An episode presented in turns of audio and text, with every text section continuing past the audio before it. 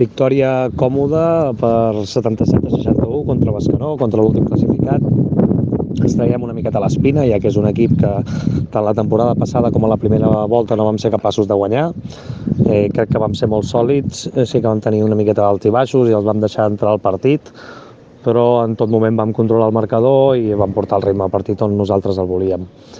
eh, valorar molt aquesta victòria perquè sempre els equips de baix eh, ens costa molt i poder guanyar de manera sòlida doncs, eh, ens dona una miqueta més d'ales per seguir creient i ja preparar el, el següent desplaçaments, que és el camp dels Jacksans, que és un dels rivals eh, amb més nivell de tota la competició i on si volem tenir algun bitllet per lluitar per estar al playoff descent, doncs hem, passa per guanyar el camp dels Jacksans i treballarem durant tota la setmana per fer-ho possible. Seguim.